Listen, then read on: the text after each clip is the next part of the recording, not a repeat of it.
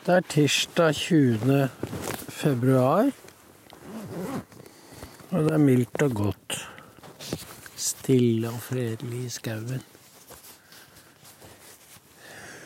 Det er ikke stille der vi kommer fra. For nå raste det inn meldinger tett på hverandre.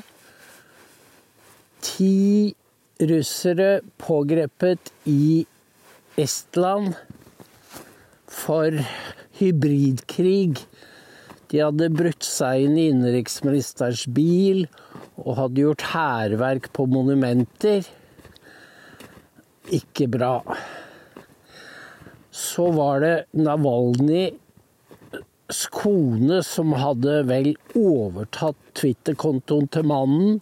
Den var midlertidig stengt, det var bare noen minutter. Men nå sitter altså mediene klare til å sende ilmeldinger for absolutt alt som kan hisse opp situasjonen. Og det er ikke bra. Så var det Dagsnytt nå klokka tre. Da var det at polske bønder tømte ut ukrainsk korn for de blokkerer nå alle grenseoverganger. For de er lei av å bli underbudt av ukrainske bønder, produsenter. Og dette er jo EUs Dette er EUs politikk som favoriserer ukrainerne. Og så er det innkalling av ambassadører, krav om fullt innsyn i hva som skjedde med Navalny. Det ene tar det andre, og det er ikke så veldig vanskelig å se for seg at det kan plutselig være tent en gnist som fører til en eksplosjon. Denne russiske helikopterpiloten som fløy over grensen og ble drept nå i Spania. Det var jo en ganske stygg historie, fordi to av hans medpiloter ble jo drept og skutt av ukrainske soldater da de ville flykte. Dette er jo en eh, broderkrig, og de er alltid stygge. Og så var det, ja, så var det Finland som tror at Russerne har stilt opp flere hundre migranter på grensen og bare venter på å sende dem inn i Finland. Det kom altså 1300 i fjor, mellom august og desember. Det er jo et beskjedent tall i forhold til det som flommer inn over Europa i sør. Men det skriver jo ikke mediene noe særlig om. Men de hisser opp stemningen og skaper mot Russland, da, selvfølgelig. Og så har du NRK som hisser opp stemningen mot Trump. Og i dag var det Sofie Høgestøl fra Venstre, førsteamanuensis ved Institutt for rettsvitenskap ved Universitetet i Oslo, som da skulle fortelle hvorfor amerikanerne var begeistret for Trump, når han er så usmakelig. Og det var jo Du får jo ikke noe ærlige svar. Fordi det er bare Hvis du skal slippe til i NRK, så må du i utgangspunktet være negativt innstilt. Så det gjør at nordmenn fastholdes i denne negativ, de negative stereotypene om Trump. Så norske medier forbryter seg mot budet om ikke å tale ondt om sin neste. For det blir ikke sagt noe om Trump hvis det ikke er negativt.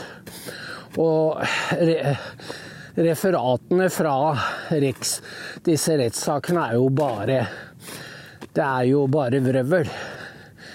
F.eks. den i New York hvor han fikk en bot av dommeren Engoron på 345 millioner dollar, den bygger på en forbrukslov. Altså, du kjøper en vare, og så holder det ikke hva du lover. Noe à la det. Det er aldri blitt brukt før i en straffesak. Og det som er da enda mer opprørende, er at det fins ikke noe offer. Og det er ingen som har gått på noe tap. Fordi dette som norske medier refererer, det er partsinnlegg fra en statsadvokat, Letitia James, som gikk til valg på at hun skulle ta Trump. Og siden dette er en by med 92, eller et overveldende demokratisk flertall, så ble hun valgt. Og det er jo ingen statsadvokat som på forhånd sier at de skal ta en sivil borger og få han dømt.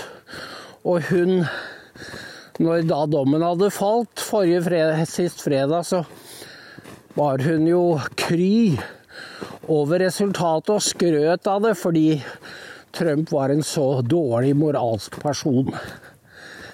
Dette er et forfall i USA som savner sidestykke, men ikke for norsk venstreside og norske medier. For de er bare kroer seg. Det er ordet. De kroer seg. Og det har venstresiden alltid gjort, fordi den har ingen empati med de som er deres motstandere. Ikke med Trump og ikke med jøder. For de skal ikke ha lov til å forsvare seg.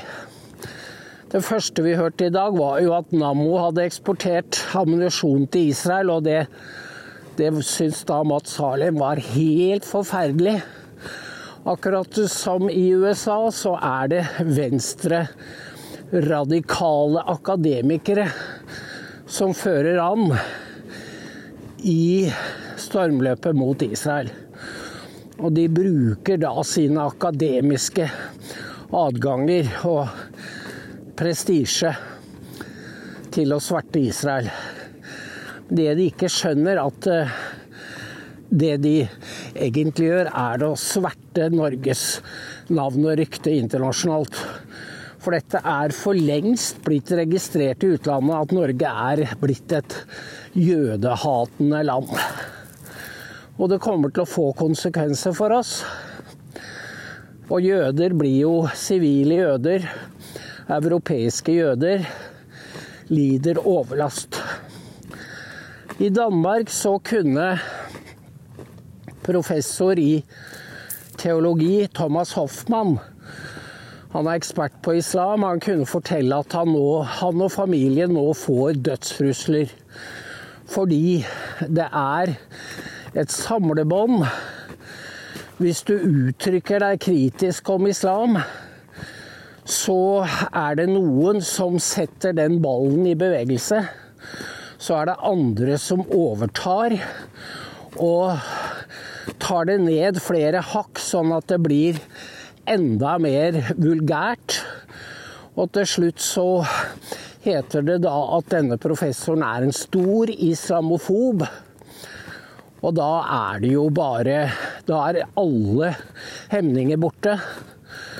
Og de vet jo at det er Når det begynner å ramme familien, så da får det andre konsekvenser. Og i dette tilfellet var det jo en som hadde skrevet på sosiale medier at Thomas Hoffmann fortjener en kule. Så blir han fort ekspedert dit han hører hjemme. Den meldingen er slettet, men det er kopi av den. Og det er faktisk reist sak. Her er det sånn at man må si at Mette Fredriksen og hennes regjering bærer et stort ansvar fordi de vedtok, eller for, la frem og fikk vedtatt koranloven. Og den må muslimer oppfatte som at deres religion er unntatt for kritikk. Og det er de selv som bestemmer når noe er blasfemisk. Og da er det de radikale som legger lista, og da ender det med drapstrusler. Det er det samfunnet vi har fått. Og det sitter i våre politikere, akademikere og journalister. Sitter i saksa. Denne graven har de gravd for andre. Og det er jo Kommer helt sikkert til å skje ille ting. Men til syvende og sist så vil det jo være de som grov den graven, som faller i den, tror jeg. Og det er jo som fortjent. Hvordan det vil være, det er ikke godt å si. Men at deres navn og rykte for alltid er ødelagt, det tror jeg vi trygt kan slå fast. Og det er ingen liten straff. Det er å nedkalle egentlig en slags forbannelse over sitt eget hode. Og det er helt ufattelig at dette skjer i Skandinavia. Et opplyst samfunn en gang. Det er ikke så mange år siden. Så nå er det Det er altså bare 35 år siden muren falt. Og vi er allerede på vei inn i noe Vi, vi faller ned i noe veldig ja, skummelt, mørkt. Et stort, mørkt hull. Både i Ukraina, i USA og i forholdet til vår egen femte kolonne som jo det er flere av. Vi må leve med lyset tent i mørket. Det er mitt budskap. For det er de eneste som holder i det lange løp. Thomas Hoffmann har jeg hatt gleden av å møte. Vi hadde et islamseminar i Trykkefrihetsselskapet, og han stilte opp. Han er en modig sjel. Ikke mange som han. Så vi ber om at det er høyere makter som passer på han og hans familie. Da tenker jeg vi sier takk for oss oppe fra, fra skogen. Så håper jeg dere også får en, går en tur og lar sinnet finne hvile. Takk for nå.